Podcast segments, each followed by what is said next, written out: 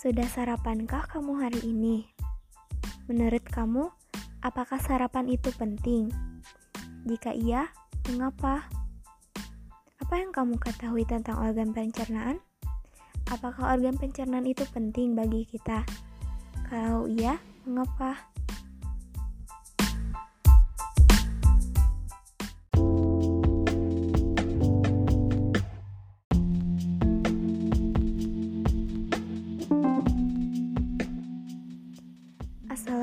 Assalamualaikum warahmatullahi wabarakatuh. Halo, apa kabar semuanya? Semoga kita semua selalu diberikan kesehatan oleh Allah Subhanahu wa taala. Amin. Jangan lupa selalu jaga kesehatan di tengah pandemi saat ini dan jangan lupa selalu pakai masker, selalu mencuci tangan, jaga jarak dan juga hindari kerumunan. Jadi,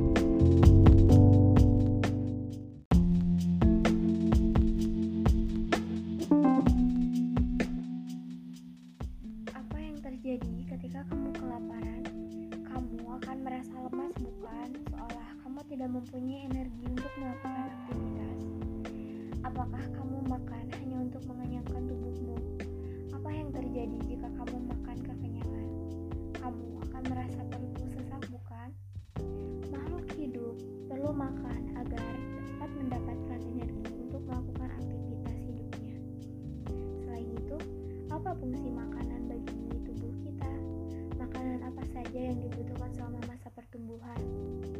Manusia perlu makan. Makanan dibutuhkan untuk pertumbuhan, mendapatkan energi, dan mengganti sel-sel tubuh yang rusak. Makanan harus dicerna terlebih dahulu sebelum diserap dan dimanfaatkan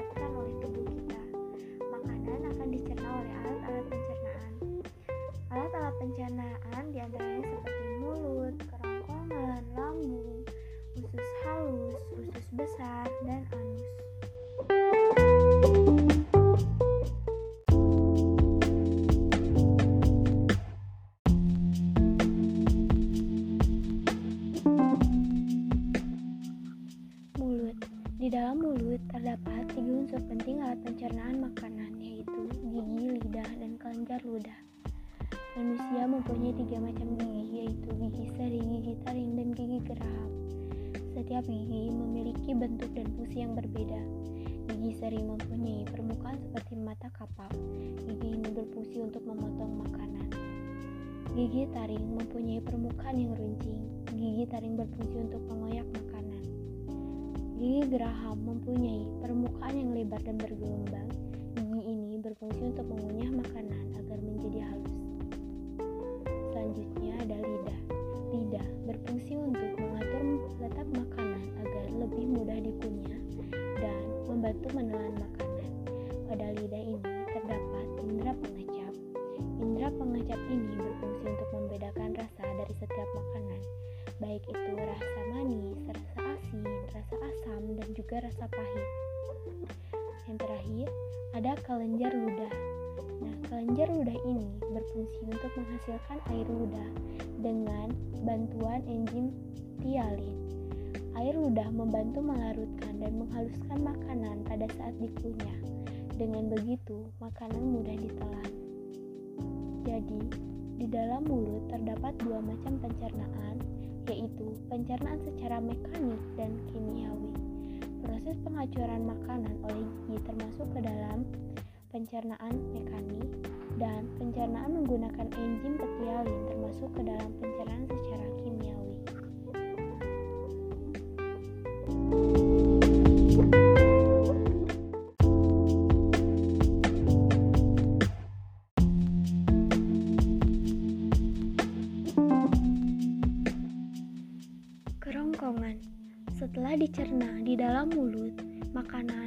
kemudian ditelan masuk ke dalam kerongkongan. Kerongkongan adalah saluran pencernaan yang menghubungkan antara rongga mulut dengan lambung. Di kerongkongan ini, makanan diremas-remas dan didorong masuk ke dalam lambung. Gerakan meremas dan mendorong makanan menuju ke lambung yang dilakukan oleh kerongkongan disebut gerakan peristaltik.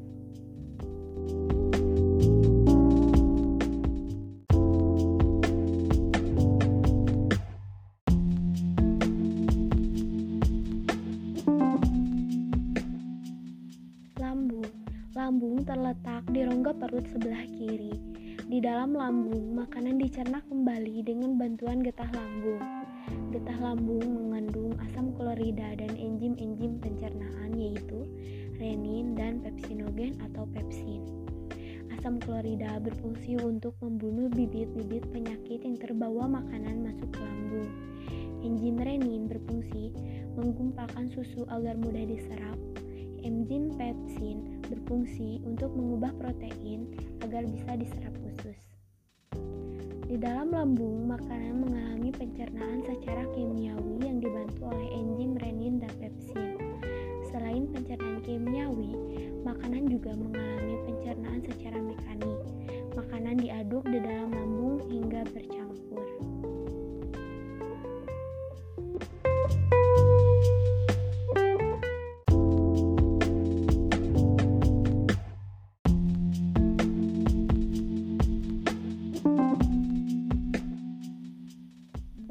Halus.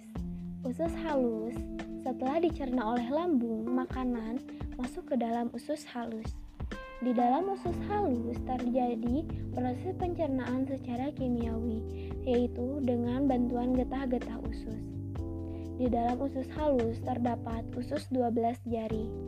Mengapa disebut usus 12 jari? Karena panjang usus 12 jari sama dengan ukuran panjang 12 jari tangan orang dewasa. Di dalam usus 12 jari ini terdapat saluran empedu dan saluran getah pankreas.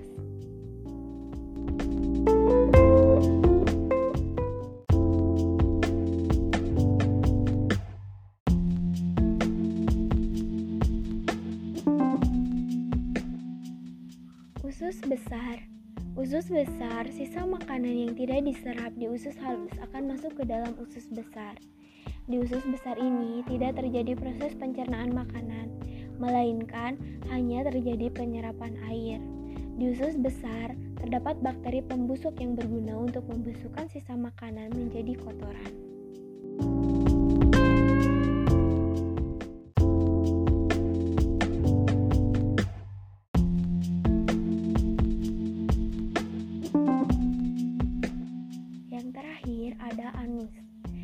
Makanan yang berupa kotoran atau feses akan dikeluarkan melalui anus.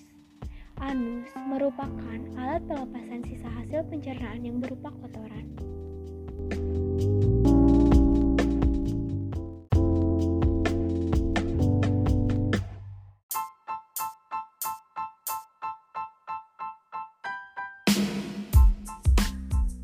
Sekian materi yang dapat saya sampaikan.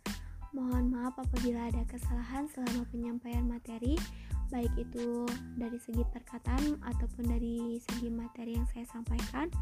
Saya ucapkan terima kasih atas perhatiannya. Assalamualaikum warahmatullahi wabarakatuh.